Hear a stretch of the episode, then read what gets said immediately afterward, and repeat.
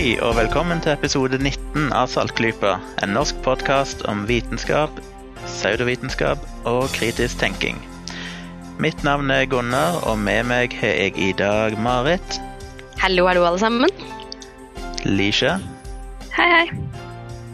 så tror jeg vi har med oss Bendik Hei, hei, hei, hei, hei, jeg er her. og Kristin. God dag. Og fra en galakse langt, langt borte så har vi vel òg Andreas. Hallo, jordmore. Takk. I dag hopper vi rett i det med et lytterspørsmål som kommer ifra Henning. Han skriver til dere Hei sann, jeg har hørt mye på podkastene og liker veldig godt arbeidet dere gjør, og fortsetter å gjøre. Etter å ha hørt en del episoder har jeg et spørsmål. Hva er egentlig energi? De som driver med alternativ behandling og hevder at de har overnaturlige evner, støtter seg ofte på at de bruker skjult energi osv. Så så vidt jeg har forstått det, er energi rett og slett en måte å beskrive hvor mye arbeid som blir utført når krefter er, er i verk. Om dere kunne utdype litt her, vil det bli satt pris på. Jeg føler det er et viktig moment som egentlig aldri har blitt kasta ordentlig lys over. Og da passer det jo så godt at vi har med oss en fysiker i panelet. Andreas, kan du forklare hva energi egentlig er, sånn i vitenskapelig sammenheng? Ja, det gjør jeg gjerne. Um, vi bruker det jo også i dagligtalen. Altså jeg kan si jeg har eh, mye energi i dag, selv om jeg strengt talt har omtrent like mye som i går. Hvis vi bruker eh, fysikkdefinisjonen. Men eh, energi i fysikken og i vitenskapen er evnen til å utføre et arbeid. Og du kan måle det i hjul, du kan måle det i kalorier eller kilo og timer. Og som noen kanskje husker fra skolen, så er, eh, kan energi verken skapes eller forsvinne. Det kan bare gå over i andre former. Og nå eh, jobber jeg om dagen med fysikkshow i Bø Sommerland, så da tenkte jeg å ta noen eksempler derfra. Hvis jeg f.eks. sklir ned en sklie, da har jeg bevegelsesenergi. Hvis jeg sitter på toppen av magesuget, da har jeg stillingsenergi. Maten de serverer i parken, gir meg kjemisk energi. Batteriene i telefonen jeg ringer med, har elektrokjemisk energi. Og kroppen min har varmeenergi.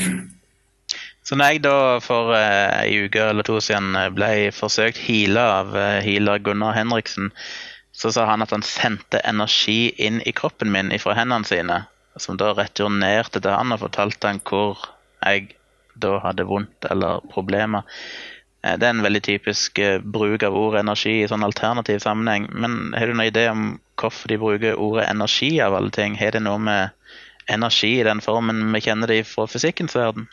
Det kan det jo kanskje ha, men jeg ser ikke helt hvordan det skal passe inn. Altså, han har vel varmeenergi fra, fra hendene sine, antageligvis, som du kan kjenne. Men vi kjenner ikke til at vi med hendene kan eh, tappe inn i, i eh, energier du måtte ha i kroppen, enten det er eh, kjemisk energi av maten du har spist, eller sånne ting. Er det noen idé her i panelet om hvorfor de bruker akkurat ordet energi, og ikke f.eks. plasma eller et eller annet annet litt diffust begrep? Alle har jo hørt om energi. Plasma er litt mer obskurt ord, men alle har hørt om energi, og så høres det litt vitenskapelig ut. Så da sniker man seg inn under radaren der. jeg mener det er to ting som gjør at dette ordet især er eh, så attraktivt. Det første er, eh, som Andreas nevnte, i dagligtale så har jo ordet energi en eh, litt annen betydning enn hva den har i den eh, fysiske verden, eller fysikkens verden. Som uh, f.eks. nevnte i dag har jeg masse energi. Mens eh, for meg så kan vi vel egentlig skylde på Einstein for eh, dette her. Siden eh, relativitetsteorien eh, sier jo at eh, alt er energi. Og dermed så åpner det opp veldig mange muligheter for uh, fancy bortforklaringer. Å, den er så klassisk, den der. Ja, det er jo ikke bare det, det er jo noe altså, De som driver med vitenskap og sånn sliter litt med, da, det er disse her ordene som har så mange doble betydninger. Sånn som teori, f.eks., er jo et annet sånt ord som har ganske forskjellig betydning i vitenskap og i dagligtale, og en mengde begreper innen statistikk, f.eks. Så det gjør det jo nesten litt verre, da. bare det. Sikkert mange En som har sett den famøse videoen som sirkulerte på nettet for en tid tilbake med en eller annen foredragsholder som skulle forklare hva homopati var. Og som bruker da Einstein sin Ja. ligning E lik MC annen og forklarer et eller annet i den duren at M, som da står for masse, blir som lite i forhold til C, som er lysets hastighet. De andre at du kan egentlig bare ta den ut av hele ligningen og stå da igjen med bare lysets hastighet eller energi i praksis, og alt egentlig da bare er vibrasjoner bla, bla, bla. bla, bla.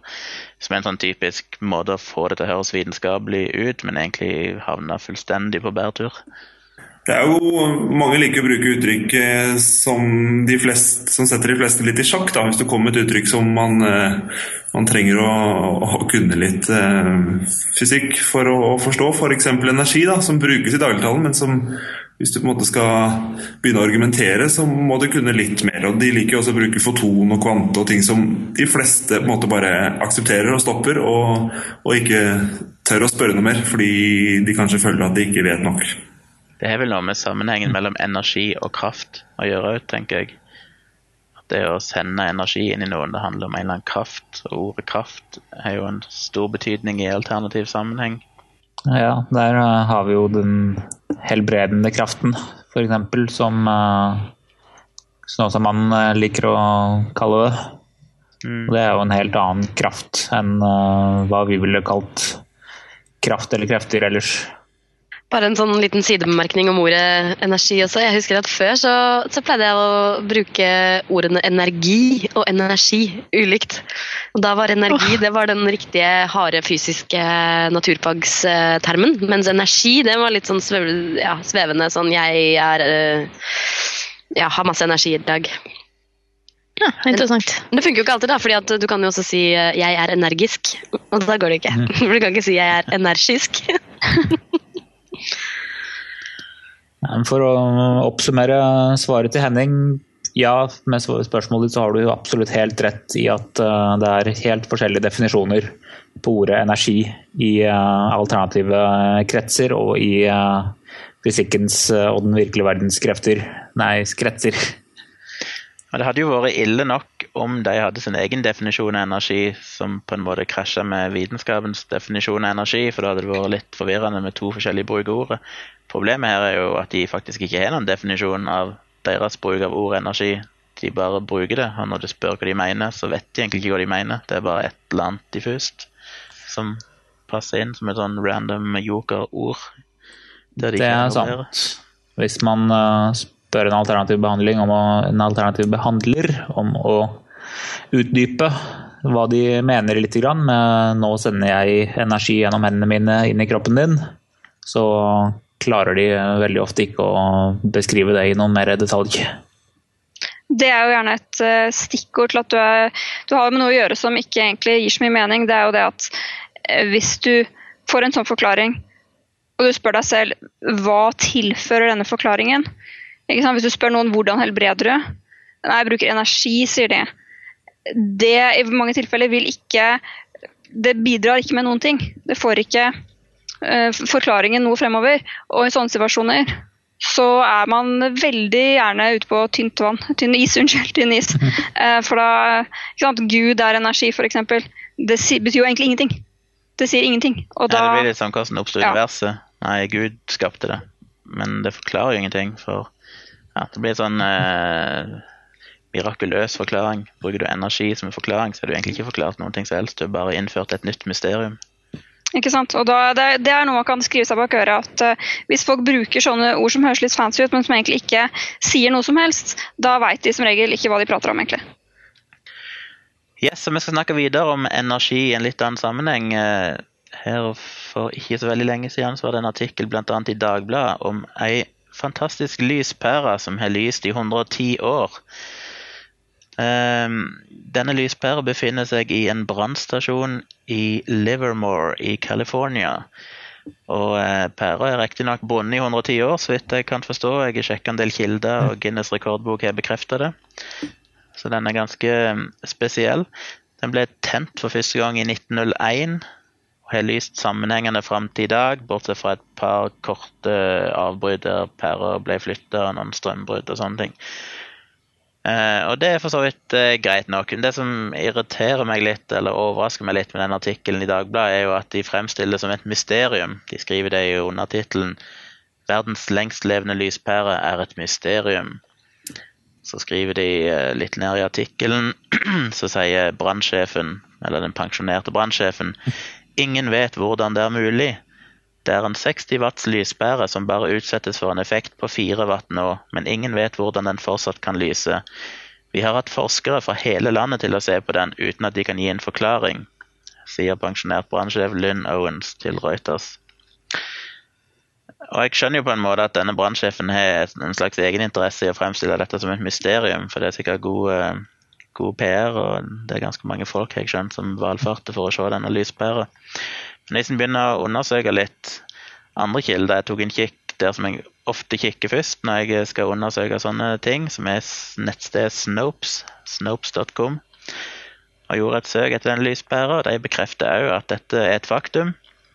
Og Wikipedia har en egen oppføring om det, der det står litt om det. Og det jeg har konkludert med etter å ha lest det, er nettopp det som brannsjefen sier, at dette er 60 watts-pærer som brenner på kun 4 watt. I tillegg til at han har stått på sammenhengende med bare et par avbrudd. Altså han blir ikke slått av og på et par-tre ganger eller mer i døgnet. Og det er ganske kritisk. Så det er egentlig tre faktorer som ser ut til å være årsaken til at denne pæra har brunnet så lenge. Det ene er at han er veldig godt laga. Det er jo håndlaga pære. Eh, en av um, ja, et litt eksepsjonelt eksemplar. I tillegg så brenner han på en veldig mye lavere effekt enn det han egentlig skal brenne på. Altså det er 60 watt pærer som brenner på 4 watt, og hvis en leser litt om det, så ser en at da kan de fleste pærer leve forferdelig mange år, men til gjengjeld så får du veldig lite lys ut av de, så de er ganske ubrukelige. Eh, det fins jo sånne long eh, life-pærer som er laga for å brenne ekstra lenge. Og måten de fungerer på, er at de er konstruert for å brenne på en høyere, eller bli brukt på en høyere spenning enn det som er vanlig. I Norge så er vel den vanlige spenningen rundt 230 volt. Eh, og disse pærene blir laga for å kjøre på en høyere spenning. Og når du da kjører de på 220 volt, så lever de jo lenger, men de lyser jo svakere. Så det er litt av essensen her. Og det tredje er altså den faktoren at de ikke blir skrudd av og på hele tida, som gjør at det er mindre slitasje. Så det er helt klart det er eksepsjonell lyspære. Han har lyst veldig, veldig lenge. Men noe mysterium ser det ikke egentlig ut til å være. Ja, der gikk det et lys opp for meg. Sier du det? Jeg får følelsen, uten å ha lest selve artikkelen, så at uh, den engelske ordlyden i den artikkelen er sannsynligvis at uh, the scientists were baffled by uh, the phenomena. Og at på norsk så ble de sikkert alle forbløffet og kunne ikke forklare det. Og det er et typisk ord som når man spotter i en sånn nyhetssak som at forskerne blir forbløffet og forfjamset, så er det noe annet på gang her.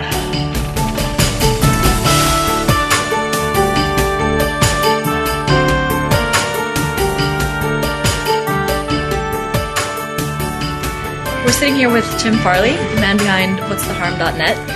And uh, I just want to ask you, uh, how did you get into skepticism? I got into skepticism. I had, had a skeptic roommate in college, and uh, so I was sort of aware of it.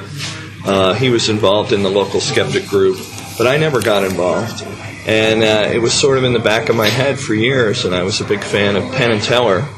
And uh, when Penn Gillette got his radio show in 2006, he started talking about this event in Las Vegas called the Amazing Meeting. And uh, I finally decided, well, I have to go to this thing. It just sounds too great. Uh, so I went to it, and it just uh, just changed my life. It was I met a whole bunch of really fantastic people, and I saw that they were doing interesting stuff, and uh, I decided that uh, hey, I need to do something like that. So you felt that it was uh, an easy way to get into skepticism after going to TAM? Did you get inspired Yeah. to do some grassroots activity? Yeah, particularly um, in the Ve- at the Vegas uh, TAM on Sunday, they do uh, you know a lot of the main presentations on Friday and Saturday are, are big name people. People have written books and appeared on television, but on Sunday they have presentations by regular people that are doing research, educators. Um, people building websites, whatever. And I would I was inspired by that because the people I saw on Sunday were people just like me, and uh, I thought, well, I, if they can do that, I can do something like that. And uh, so I spent the next uh, few months after TAM just kind of thinking about what I might want to do, and somehow I stumbled on the idea of uh, what's the harm. Was there anything in particular that inspired you to to uh, create that site or to I- take that approach? It was just I was doing a lot of skeptic reading, and I noticed that whenever anybody talked about the issue of harm, and it would come up from time to time, they would always, uh, you know, the typical model when you write a magazine article about some issue is you find someone affected by that issue, and you start with their story in the first few paragraphs, and then you start to tell what the issue is. So you would see those articles over and over, and you might see three articles on homeopathy and would have three different people in the first paragraphs telling their story. And I thought, well, you know, somebody ought to collect all these little stories that are in all these different articles and put them all in one place so that you can see that it's not just this one person in this one article. It actually is a lot of people who get hurt by these different things. It's very uh, it's very effective. Uh, how do people respond to the website? They like it a lot. Um, excuse me, I'm a little hoarse. Um, they like it a lot. I get a lot of really good feedback from um, skeptics, and in fact, uh, uh, everybody's just sort of become my free research team now. Everybody's so excited about the site that when they see a story that is a "What's the harm" type story, I always get it uh, emailed to me like 20 times. Uh, so that's good. I, I hardly have to do any research anymore. Uh, I do get every once in a while. I get someone who's a believer in one of the one of the topics on the site to write me and uh, and complain about it. But uh, usually their arguments are it's kind of the same old cut and paste arguments that you see on the other websites. So Yeah. So nothing really hostile. um, no, not really hostile. I mean, people get very emotional about it because they've obviously invested a lot of time and effort into these things. And they feel personally, you know, attacked when someone says that their favorite thing is is is, is uh, nonsense.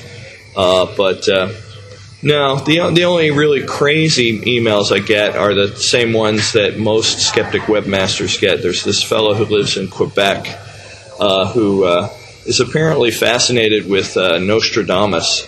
And uh, every few days he wakes up and gets in a bad mood and writes a bunch of emails to a bunch of skeptic webmasters where he, where he, he says, uh, you know, that that he should be paid Randy's one, uh, James Randy's one million dollar prize, and and that Nostradamus had it all right, and all us skeptics are, are crazy. Sounds like fun. Yeah. Have you run into any conflicts with friends or family because of your skepticism? Uh, no, not so much. My, my family's pretty rational. I do have some uh, folks in my family who are very religious, um, and I try to be respectful of that. Um, you know, it's a personal choice, and and the, the religious part of it has never been part of it that really fascinated me. Uh, so I don't. I'm not involved in atheist groups and whatnot. I'm more interested in the in the the the topics where science can give us a clear answer. Things like medical topics and uh, UFOs and cryptozoology and whatnot, where you know there, there's a clear uh, science-based way to respond to the question. Do uh, do you have any uh, good examples of uh, any re- real positive effects that have come? Anybody who have written in and said your site gave me the arguments I needed? Uh, Yeah, I get that. argument or I haven't so far gotten too many uh, uh, uh, reports of people changing their minds directly from reading the site, but I do get a lot of reports from skeptics where they were having an argument or trying to make a point with a friend or a family member, and they would go to my site and find one of the stories to use as part of their argument, and uh, it seems very effective. How do you feel about the uh, internet as a tool for skepticism? Well, that's that's kind of the, the thing that I've specialized in. I, I when I was at TAM, I uh, I started thinking about well, how can what can I bring to the table as a skeptic? Um, and I'm a I'm a computer professional, and I, I know a little bit about websites and software and that sort of stuff. So I thought, well, how can I apply that? And so, uh, aside from what's the harm, um, what I've tried to specialize in is, is helping skeptics recognize uh, internet based ways that they can help. Um, So I have a, a blog that I don't update very much called Skeptical Software Tools. But the idea of the blog is to try to look at new ways that different software on the internet, different websites can be used for skepticism that maybe uh, people hadn't occurred to before. And that's, uh, you know, specializing like that is something that uh, I encourage all skeptics who want to get active uh, to do. I, I see a lot, there's a lot of activity in skepticism now, but it seems like a lot of folks just kind of reinvent the wheel. It's like, oh, uh, oh, we, we want to get involved, so let's create a blog. It's like, well, how is your blog different from the other 400 blogs? Well, I don't know, but uh, I think I got character. right, right. Um, but there's a lot of great ways to uh, make yourself stand out, and uh, it can be as simple as applying your expertise from your profession to skepticism. So, if you're a teacher, see how you, what you do in school relates to skepticism, or if you're a scientist, then focus on the topics that in skepticism that relate to the science that you know, and become the specialist or the expert in that area. Um, and that way you can add something to it rather than just yet another person commenting on the latest homeopathy story or whatever. Because we uh, we basically ran into that trap ourselves. uh, we of course also have a, a skeptical blog, Right. which we realized wasn't very unique Right. after a couple of uh, months. Uh, of course, then we started doing a podcast instead, which uh, Norway at the moment didn't have. There you go. So that was uh, something new. But uh, what about? Uh, damn, I forgot my question. That's what Uh, well, recently there's been this debate in the skeptical movement about confrontation.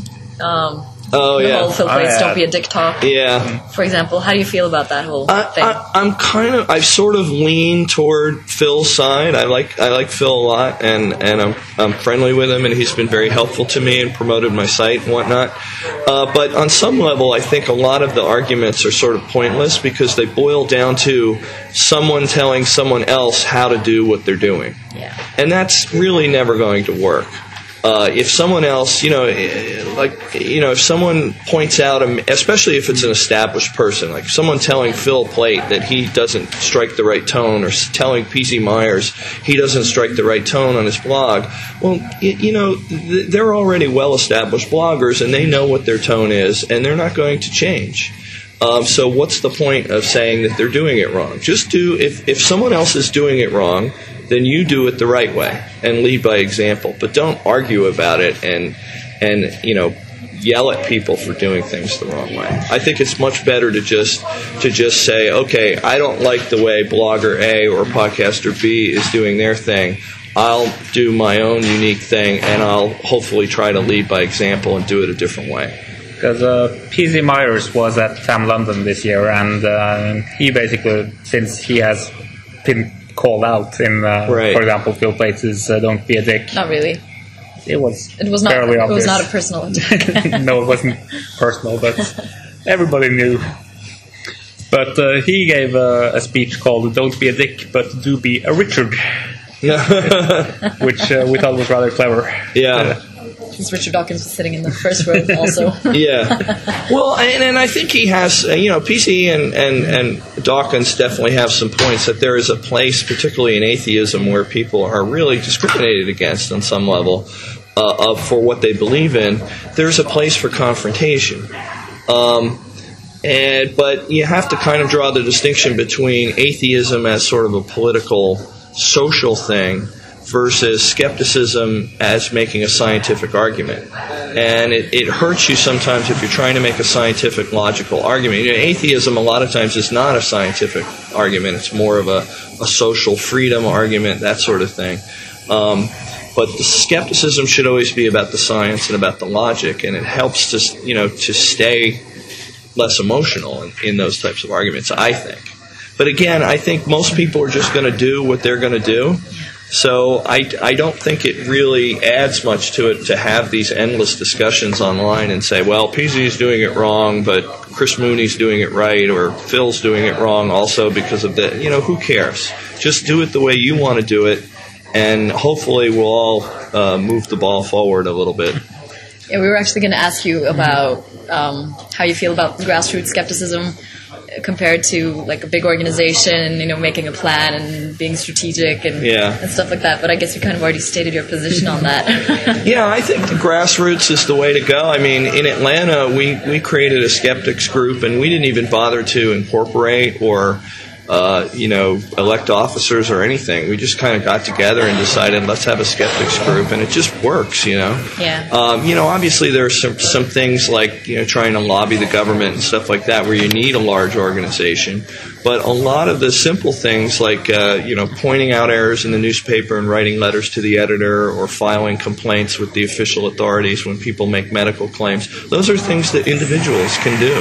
So why not just just go ahead and do it? We don't need an organization. So you must spend a lot of time both doing What's the Harm and also your uh, little Twitter service where you provide. Uh, Yeah, I spend way too much time on Twitter. It's one of those things that if you let it, it will suck up your entire life.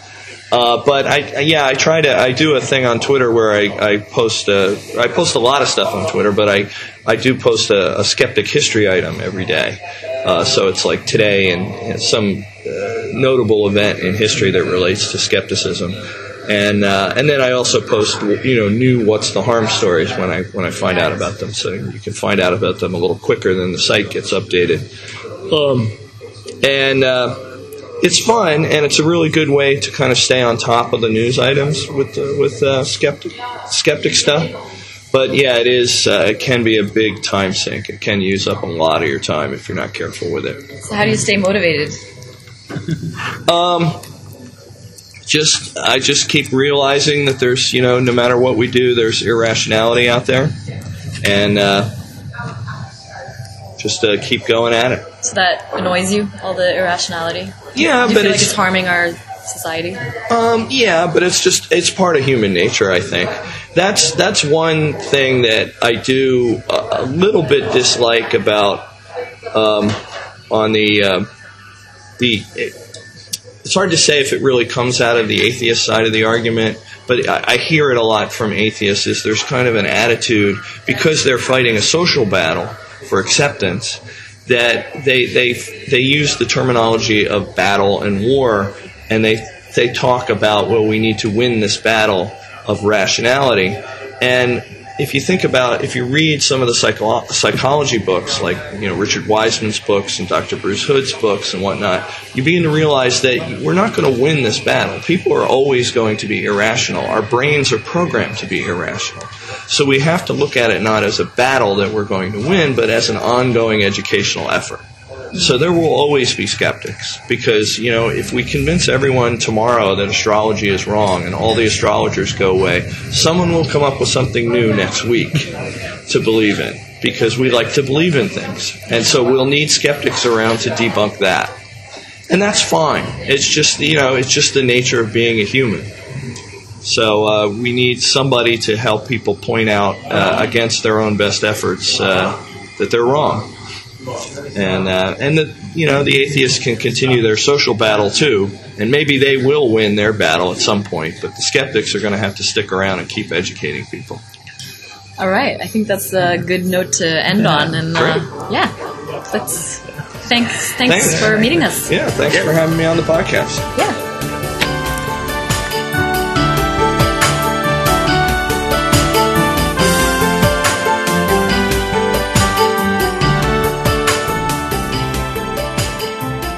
I denne sendingen så har vi òg fått et spørsmål fra en lytter som vi tenkte vi skulle eh, bruke litt tid på, for det er et ganske omfattende spørsmål.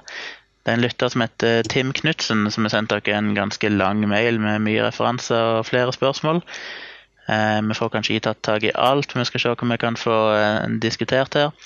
Det han sier som en innledning, er at han, eh, jeg tar for tiden en mastergrad i molekylær genomikk ved Universitetet for miljø- og biovitenskap. Masteren vil handle om fettsyrer i kumelk og genregulering av disse. En generell interesse for trening og kosthold samt tema for masteren har fått meg til å undersøke kontroversen rundt low carb-dietter. Resultatet er mildt sagt forvirrende. Tradisjonelt er karbohydrat bra, og spesielt for fysisk aktive. Mettet fett gir deg hjerteproblemer. Jeg lurte på om dere kunne kommentere denne debatten som raser i diverse medier rundt kosthold, diett og trening. På den ene siden har man ernæringsfysiologer og professorer som sverger til de tradisjonelle kostholdsrådene til myndighetene, med hovedvekt på karbohydrat og begrenset inntak av mettet fett. Bla, bla, bla, så gir han en del linker. På den andre siden, for idrettsutøvere sin del, er det klart at de aller fleste har et høyt inntak av karbohydrat, men skal man tro ernæringsekspertene, er det nærmest umulig å prestere uten karbohydrat. Og så gir han noen eksempler på det. Og jeg går videre til at eh, når det gjelder fettfobi, finnes det mye forskning, og etter å ha lest litt på PubMed er konklusjonen at det er meget varierende hvor farlig høyt inntak av mettet fett er. Og han nevner Fedon Lindberg og litt forskjellig. Så her er altså mange ting å ta tak i. Det er dette med low carb, hvor mye karbohydrater er sunt, hvor mye fett er sunt. Og det er mange forskjellige meninger om det. Og dette er et komplisert spørsmål, som jeg tror faktisk ganske mange er interessert i. Så derfor har vi fått med oss en eh, flink fyr, Erik Arnesen, som har bachelor i samfunnsernæring og jobber for tiden med en master i ernæring. Han er òg styremedlem i Skepsis og skriver litt på Skepsis-bloggen. Eh, han var i fjor med og arrangerte Skepsis-konferansen Kritisk masse i Oslo.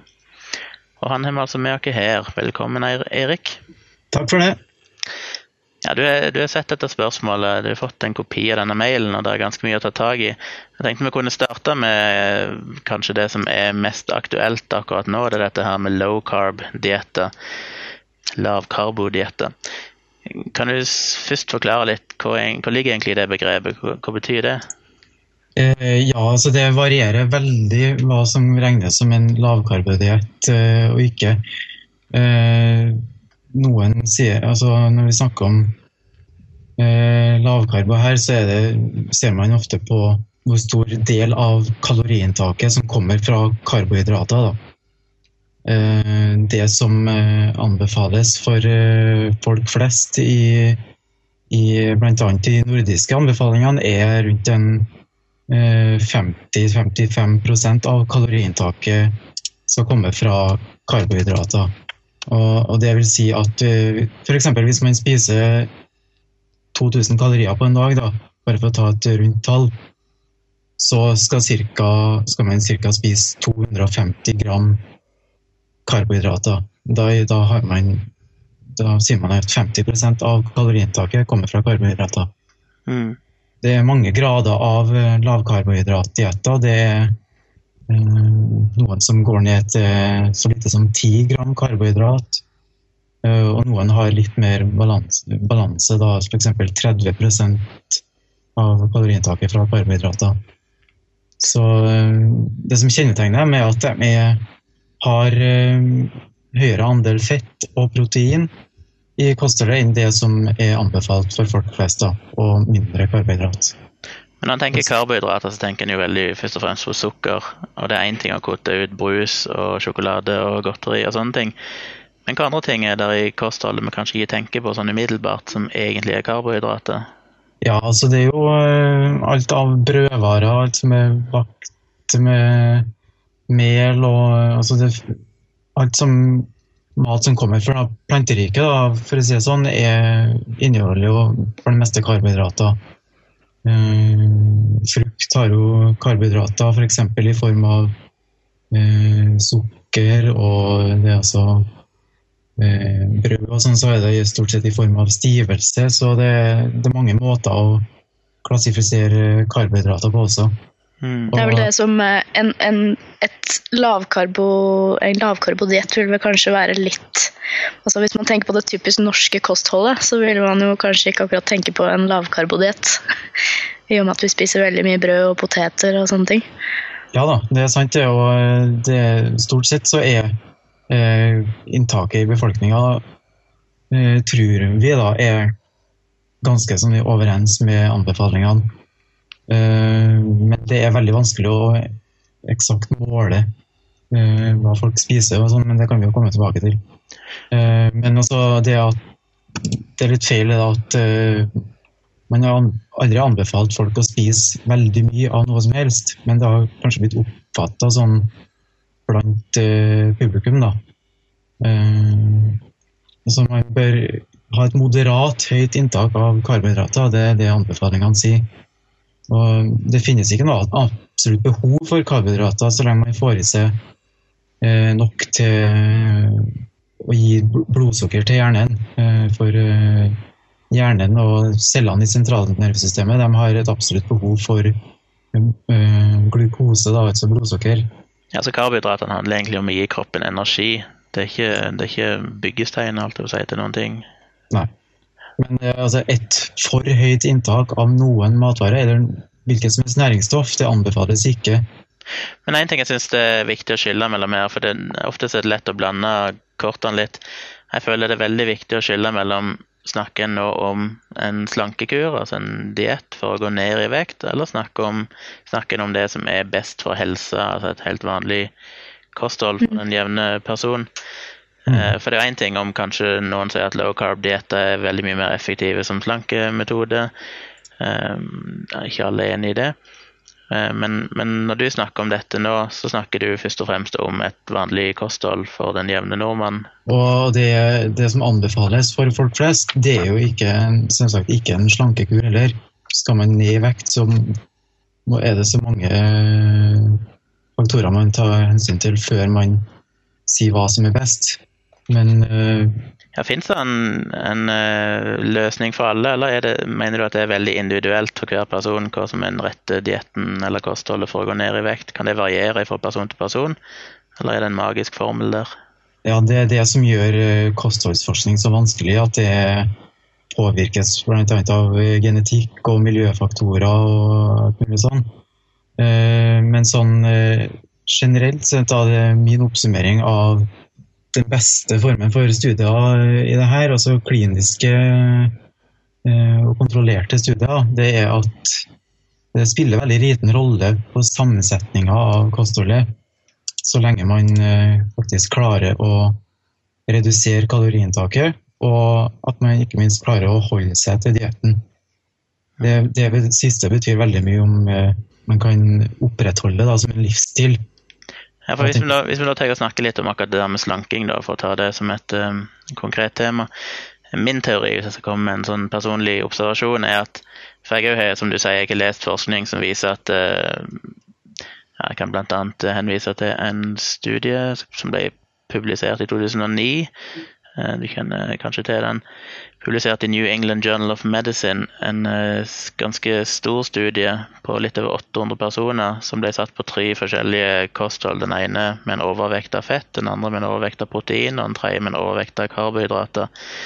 I litt forskjellige fordelinger. Og De fulgte altså disse individene i hele to år, som er ganske unikt for sånne studier. At de faktisk følger de så lenge. Og passa på at de hadde omtrent samme mengde trening, og at eh, bestanden i kostholdet ellers var like sunn. og ja, At de fleste variablene skulle være kontrollert for så godt som mulig. Og Konklusjonen etter to år var at det ikke var noen signifikant forskjell på de tre gruppene i hvor mye de hadde gått ned i vekt. Eh, Så sånn oppfatter jeg det da, at eh, akkurat hva du spiser, ikke det viktige. Men samtidig så tenker jeg, skal du slanke deg, så er det kanskje noen psykologiske effekter inne i bildet. Vi snakket litt om det før sending her, at det å velge en low carb-diett er kanskje psykologisk sett enklere å forholde seg til. For da kutter du ut en del sånn matvarer som du alltid har lært at det er fy-fy. Både godteri og brus og sukkerholdige ting. Eh, hva tenker du om den hypotesen? Tror du det er noe i det? altså, den, eh, den har blitt eh, foreslått da, som en, en årsak. Altså, det, er jo, det er også noen som sier at ved å spise lite karbohydrater, så blir man mindre sulten. Og om det har noen sånn fys, fysiologisk effekt på, på sult, da, det, det, det er ganske omstridt. Men det at man får en sånn subjektiv følelse av eh, mindre sult, det, det kan jeg være enig i, fordi blant annet det at altså som sagt, altså spiser vi omtrent eh, 50% av kaloriene våre fra karbohydrater. Og når man plutselig fjerner en så stor del av kostholdet, da blir utvalget veldig begrensa. Det gjør jo også Det er gjort eh, flere studier på der eh, hvor man har bedt folk eh, overvåke nøyaktig hva, de spiste. Jeg bare ser foran meg en studie fra 2005 som sto i tidsskriftet Annals of Internal Medicine, hvor de tok overvektige folk med type 2-diabetes. De ga dem så mye mat de ville, men eh, de måtte begrense karbohydratinntaket til 20 gram om dagen. Og de gikk ned en god del i vekt, men eh, all vektnedgangen det kunne forklares av at de automatisk reduserte kaloriinntaket. Mm. Ja, når de ble liksom be- be- bedt om å overvåke veldig selv, da. Hva de spiste, Ja, kanskje. altså, de, de, fikk, de fikk beskjed om å kunne spise ubegrensa så lenge de ikke spist mer enn 20 gram karbohydrater. Og mm. da reduserte de spontant kaloriinntaket fra 3000 kalorier om dagen til 2000 kalorier om dagen. Så de fikk et kaloriunderskudd på 1000 kalorier. da. Dette Og- ikke inneholder karbohydrater, det er jo ikke noe godt. Så det er jo ikke noe rart. Nei, altså Først så spiste de 300 gram karbohydrater, og så gikk de ned til 20 gram karbohydrater. De hadde fri tilgang til all mat som ikke hadde karbohydrater i seg. Men istedenfor å kompensere ved å spise mer protein og fett, så spiser de bare mindre kalorier totalt. Og eh, det, det er jo en ganske plausibelt at eh, det er kaloriinntaket som teller, da. Man, eh, Ja, fordi altså sånn, sånn, Bare for å holde oss til slankingtemaet her, så For meg så har det alltid vært så uendelig logisk, dette her med at det må da vel til syvende og sist bare være altså, kaloriregnskapet som teller. Når, altså, er det, er det altfor naivt å tro at det, det er at du går ned i vekt dersom du forbruker flere kalorier enn du tar til deg, punktum? Eller er det noe spesiell kontrovers i for- forskningen rundt dette her? i det hele tatt?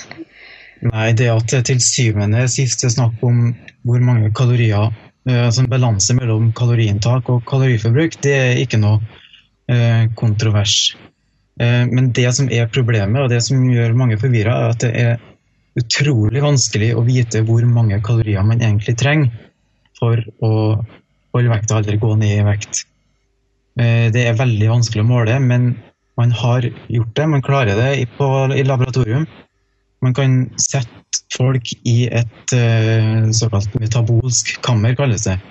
Man setter folk i en, et, et rom hvor det er sensorer som klarer å måle akkurat hvor mye kalorier de forbrenner i løpet av dagen.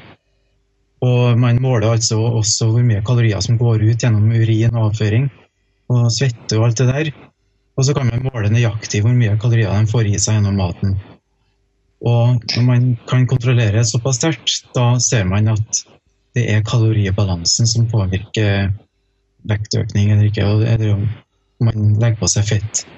Eh, Mens eh, enkelte i nyere tid, altså de som eh, er veldig for, eh, forkjemper av Atkins-dietten f.eks., sånn som en, en forfatter nå har skrevet en del bøker om det der med om lavkarbokost, en som heter Gary Taubes, som nylig var på en skeptisk skeptikerpodkast og snakket varmt om lavkarbohydraten.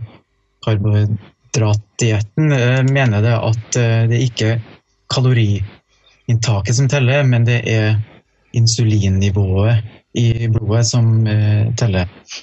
Og det har man altså Den hypotesen har blitt testa, og i de kontrollerte studiene så, så er ikke det en, det er en unødvendig forklaring. Da.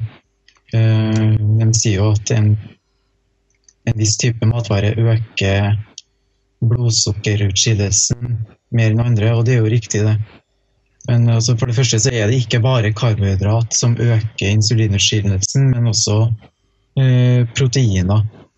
Altså Hvis man spiser 240 kalorier fra ost, så øker det ins- insulinutskillelsen like mye som 240 kalorier fra, fra brød eller andre karbohydratmatvarer. Mm. Bare for å ta et lite sidespor her. eh, Jeg så en gang et program på TV der de hadde ei som var ganske overvektig, og ei som var veldig undervektig. Og intervjua de om hvor mye de spiste og sånn, og begge mente at de spiste omtrent det samme. Men hun som var undervektig, mente at hun hadde en mye høyere forbrenning enn hun som var overvektig. Og da ble de satt på en sånn veldig kontrollert uh, diett der de målte jeg vet ikke om det var urin, eller de tok prøver sånn, der de hele tiden kunne kontrollere hvor mye kalorier de faktisk tok inn. Og sånn, og målte et eller annet i forhold til stoffskifte ved hjelp av noen pustetester og greier. Og konklusjonen var iallfall der at eh, viser seg jo da selvfølgelig at hun som var overvektig, faktisk spiste veldig mye mer enn hun undervektige. De bare registrerte det ikke helt på samme måten. Der påstår jeg at dette her med forbrenning av høy forbrenning og lav forbrenning og sånn, egentlig bare en myte. At egentlig så er ikke det noen innvirkning at den forbrenningen er stort sett lik hos alle. Eh, kan du si noe om det? Ja, det har vært eh, kjent i ganske mange år nå at det er egentlig ikke noe forskjell. Altså, faktisk, eh, De som er overvektige, har forbrenner generelt mer kalorier enn undervektige. Rett og slett fordi de har en større kropp og de bruker mer energi når de er aktive og sånne ting. Det er heller det at det er snakk om underrapportering. Det er et av de største problemene i studier på kosthold. Det er det med å måle hva folk faktisk spiser. Man, eh, så vi kan aldri si med sikkerhet om deltakerne i en studie eh, faktisk spiser det de eh, sier. Altså, hvis, du, hvis vi har en studie på slanking, da, så måler man som regel matinntaket ved hjelp av å gi deltakerne spørreskjema. Eller man intervjuer dem om det kostholdet man har hatt dagen før eller den siste uka. og sånn. Men vi mangler objektive mål. Uh, altså det er veldig vanskelig å låse inn folk og se hva de spiser over flere år. Mm. Og uh, Derfor så må man liksom gå ut ifra at folk rapporterer det selv. Og de aller fleste feilrapporterer. Selv godt, uh, høyt utdanna ernæringsfysiologer klarer ikke å rapportere selv eksakt hvor mye de spiser. Altså. Så det er veldig vanskelig å holde en kontrollert studie om ernæring, selvfølgelig. Men det er også funnet gjentagende ganger at særlig overvektige, overvektige personer de eh, underrapporterer kaloriinntaket mer. De underrapporterer ofte opptil 40-50 Så ser man også at uh, gjennom de siste tiårene så har folk underrapportert mer og mer. Og det er nok en uh, normativ årsak til det. altså Folk rapporterer mer av den maten som oppfattes som sunn, og de rapporterer at de spiser mindre av den usunne maten. F.eks. at spør man folk om uh, hvor mye sånn fettrike matvarer de uh, spiser, så har, har, folk flest en tendens til å, å lyve litt. Altså, det er sikkert både bevisst og ubevisst. Det er en ting for å kanskje glede forskerne, men også det at man ikke legger merke til selv hvor mye man faktisk spiser. Så vi tar eh, mm. det, Den som er antatt, er at vi tar over 200 matvalg hver eneste dag. Og de fleste av de valgene går på autopilot. og når man først skal tenke seg om hva man har spist de siste månedene, og sånn, så er det veldig vanskelig å, å, si det eksakt på et spørreskjema. Så, så når man skal tolke sånne studier, så er det veldig viktig å se det i, i kontekst. og Se nøye på hvilke metoder man har brukt. og bruke litt sunn fornuft. Så man må eh, kritisk analysere eh, studier på kosthold, da, spesielt nye. Jeg oppfatter vel at mange av disse studiene ofte følger folk i litt for kort tid. Det kan være snakk om tre eller seks måneder. Og sånn jeg oppfatter det, så har vel ofte disse low carb-diettene en tendens til å gi et raskere vekttap. Sånn at de tilsynelatende, hvis du overvåker de over ganske kort tid, virker som de er mer effektive. Men som sagt, følger du disse personene i et par år, så ender de stort sett opp på det samme igjen. Ja, det... ja, så er det vel også sånn at når man går ned i vekt, når man begynner med å gå ned i vekt, så går man mest ned i vekt de første, de første ukene. Ja, det er også det som jeg har uh, tolket ut ifra fra mange typer studier. altså uh, Når det gjelder eh, vektnedgang, altså de som går på lavkarbohydrater karbodietter de har en tendens å gå ned veldig mye vekt de, de første seks månedene. Eh, men de går nesten alltid opp i vekt like mye som de gikk ned etter det. Og, og sånne vektsvingninger er jo absolutt ikke gunstig heller. Eh, særlig ikke for folk som kanskje har en begynnende diabetes. Eh, men på den andre side så har man sett at folk som fokuserer mest på å redusere kaloriinntaket, men likevel spiser relativt mye karbohydrat, eh, klarer å vedlikeholde vekttapet lengre. Er det noe bevis i forskningslitteraturen for at det er noen risiko knytta til å følge en lavkarbodiett? Eh, nei, altså det er, det er dårlig belegg for at det er noe direkte farlig å spise veldig lite karbohydrater. Eh, men samtidig så finnes det heller ingen belegg for at det er noen gevinst å spise eh, mindre karbohydrater utover den effekten man får av at man går ned i vekt. Altså det å gå ned i vekt, det i seg selv har en, gir en forbedring på mange mm. helsemessige årsaker. Altså man forbedrer eh, insulinsensitivitet, altså reduserer risikoen for diabetes bare ved hjelp av å gå ned i vekt. Ja. Eh, Men også, så er det jo også det at eh, de, eh, noen av disse som følger lavkarbodietter, eh, sverger også til å spise ganske mye metta fett. Jeg vet ikke om det er like ja, mye bacon og sånne ting. Hva har det å si? Altså det antyder at mye mat med metta fett, eh, f.eks. du finner i fløte og sånn, det kan bl.a. bidra til økt sånn kronisk betennelse, altså inflammasjon. som muligens eh, gir videre diabetes og sånne ting. Altså også høyere eh, nivå av det usunne kolesterolet og andre risikofaktorer for hjerteinfarkt. Men der har det nok mer med forholdet mellom metta og umetta fett igjen. Altså det å bytte ut metta fett med karbohydrat er nødvendigvis ikke så bra. Men isteden så bør man holde eh, inntaket av metta fett eh, lavt, og, eller øke inntaket av umetta fett, eh, særlig fisk. Da. Så å så anbefaler den som hører på, å søke opp på nettet et PDF-dokument som heter 'Kostråd for å fremme folkehelsen og forebygge kroniske sykdommer'. En rapport som kom ut fra Nasjonalt råd for ernæring i år som eh, går gjennom mange typer av bevis og en sånn eh, evidensbasert gir evidensbaserte kostholdsråd da, for, eh, for, å forebygge kroniske sykdommer. Eh, så det hovedrådet der, da, sånn helhetlig vurdering, er at kostholdet skal være variert. og det man skal begrense, er mengder av rødt kjøtt, salt, tilsatt sukker og kaloririke matvarer og spise mer grønnsaker, frukt, bær, fullkorn, fisk. og det er ganske det er jo råd som er ganske ukontroversielle og som er ganske lette å forstå. Og der kan man også, Hvis man ser, leser gjennom den rapporten, det er over 350 sider, men det er presentert på et veldig greit språk, så vil man se hvilke hensyn man må ta når man skal gi sånne, sånne anbefalinger. Eh, men det viktigste rådet er å holde en balanse mellom kaloriinntak og kaloriforbruk det jeg er veldig opptatt av når vi snakker om kosthold og helse, er at man misforstår noe veldig vesentlig hvis man ser på ett enkelt næringsstoff eller én spesifikk, en spesifikk matvare. Man kan ikke bare snakke eh, sånn når man snakker om mat og helse. Man må alltid se på maten i hele konteksten. Et kosthold det er, det er mer enn summen av enkelte matvarer. men det er liksom samspillet mellom ulike matvarer er, så, er også veldig viktig. Og eh, man må se på også i konteksten av generell livsstil. Men Hvordan er maten i dag? Jeg hører jo veldig mye om at i dag er det er mange som mener at spesielt tilhengere av raw food og sånne ting. De mener at maten vi kjøper i butikkene i dag er veldig liten næring i, og det er dette her med halvprosessert mat som de mener er forferdelig farlig, som inneholder mye rare stoffer osv.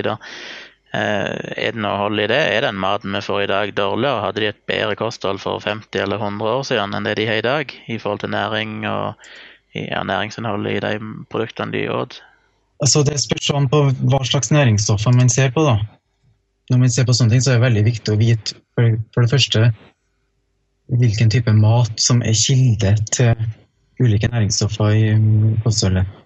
Sånn som i, i vårt eh, vanlige norske kosthold, så er det jo forskjellige typer frukt en veldig viktig kilde til C-vitamin. Eh, så, så, det vil si at hvis f.eks. man hadde sett at C-vitaminnivået i, i, frukt ble veldig mye lavere, så hadde det bra hatt kanskje betydninga for folkehelsa. Men eh, det, det, finnes det ikke bevis for at det har skjedd, og det er heller ikke bevis for at eh, økologisk dyrka mat har noe bedre generell næringsverdi enn konvensjonell dyrka mat. Selv om den økologiske maten er kanskje produsert mer i, i prinsipper som er mer gammeldags. Da. Matens næringsverdi det påvirkes av veldig mye av klimaforhold, f.eks. Og det endrer seg fra, fra år til år. Et år så kan gulrøttene ha lite betakaroten, og eh, andre året kan det være mye og liksom forskjellig fra gård til gård også. Men generelt sett så er det ikke noe bevis for at maten vi spiser har mindre eh, næringsstoffer enn før, nei. Og det er heller ikke noe bevis for at folk er, får i seg for lite av næringsstoffer. Da. Folk flest får i seg eh, for mye, faktisk, av, av det meste. Mm. Eh, bortsett fra det er noen grupper som eh, f.eks. Uh, jenter i puberteten og sånn, som kanskje slanker seg sånn. De får som regel i seg for lite jern og sånn. Men det er ikke fordi at maten har blitt så mer næringsfattig, det er heller med at de innskrenker kostholdet sitt så mye. Da har vi snakka ganske lenge om eh, kosthold. Eh, helt sånn på tampen, er det noen gode steder du anbefaler folk å kikke hvis de vil ha god informasjon om kosthold? Så lenge man har tilgang til internett, så har man jo utømmelig kilder til informasjon. Et sted å, starte da, det er jo kanskje det å se på eh, de kostrådene som jeg snakka om. altså eh, som er utgitt av Nasjonalt råd for ernæring, og som heter Råd om kosthold og fysisk aktivitet. De finnes på Helsedirektoratet sine hjemmesider, helsedirektoratet.no. Man kan laste ned hele rapporten og, og lese alle metodene bak forskninga og alle kilder. Sånn så kan man, hvis man ønsker å gå kritisk til verks, da gå dem nærmere i sømmene. Og det er jo basert på mange typer studier som er veldig etterprøvbart. Da. Satser vi på å kunne lenke til den direkte i notatene på saltklypa.no. Jeg tenkte bare å avslutte med et kostholdsråd som jeg syns er veldig fint, som jeg ofte pleier å trekke fram i disse debattene. Det kommer fra ei bok skrevet av en forfatter som heter Michael Pollan. Og han oppsummerer sine beste kostholdsråd i sju enkle ord. Og han sier Eat food, not too much, mostly plants. Hva syns du om det rådet? Ja, det er veldig godt. Og så må man jo også legge til at man skal eh, nyte den maten man spiser. da. Det er et aspekt man ikke må se bort ifra. Det, Nei, det har jeg ikke noe problemer med. ikke vær for redd for det man spiser. Da avslutter vi på det. Det er en positiv og grei avslutning. Takk eh, for at du ble med Erik. Takk for det.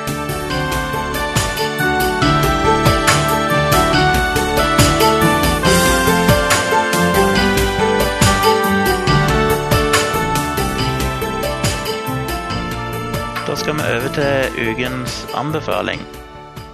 Bendik, har du noe å anbefale til lytteren i dag?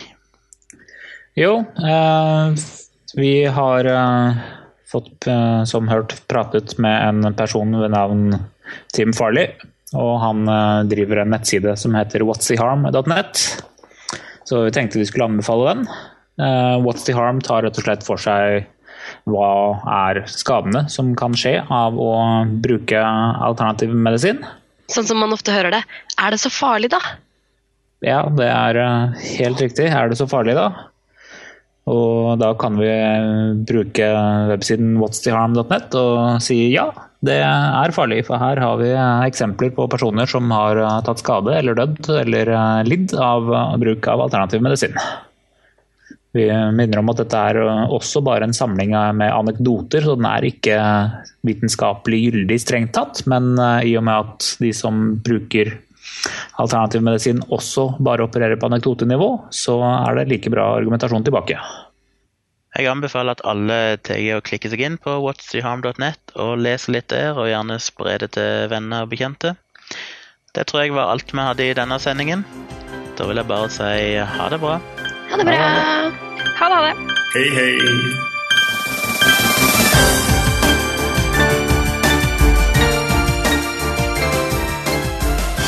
Saltklypa er en norsk podkast som tar for seg vitenskap og pseudovitenskap i samfunnet med et kritisk blikk. Podkasten produseres og drives på frivillig basis, helt uavhengig av noen organisasjon. Vi vil gjerne høre fra deg. Hvis du har spørsmål eller kommentarer, kan du sende oss en mail, legge igjen en talebeskjed på Skype eller skrive en kommentar på nettsida vår. Informasjon om dette samt linker og notater til det vi snakker om, finner du på saltklypa.no. Selv etter at verdens siste lyspære er slukket, vil saltklypa fremdeles være et skinnende lys i mørket.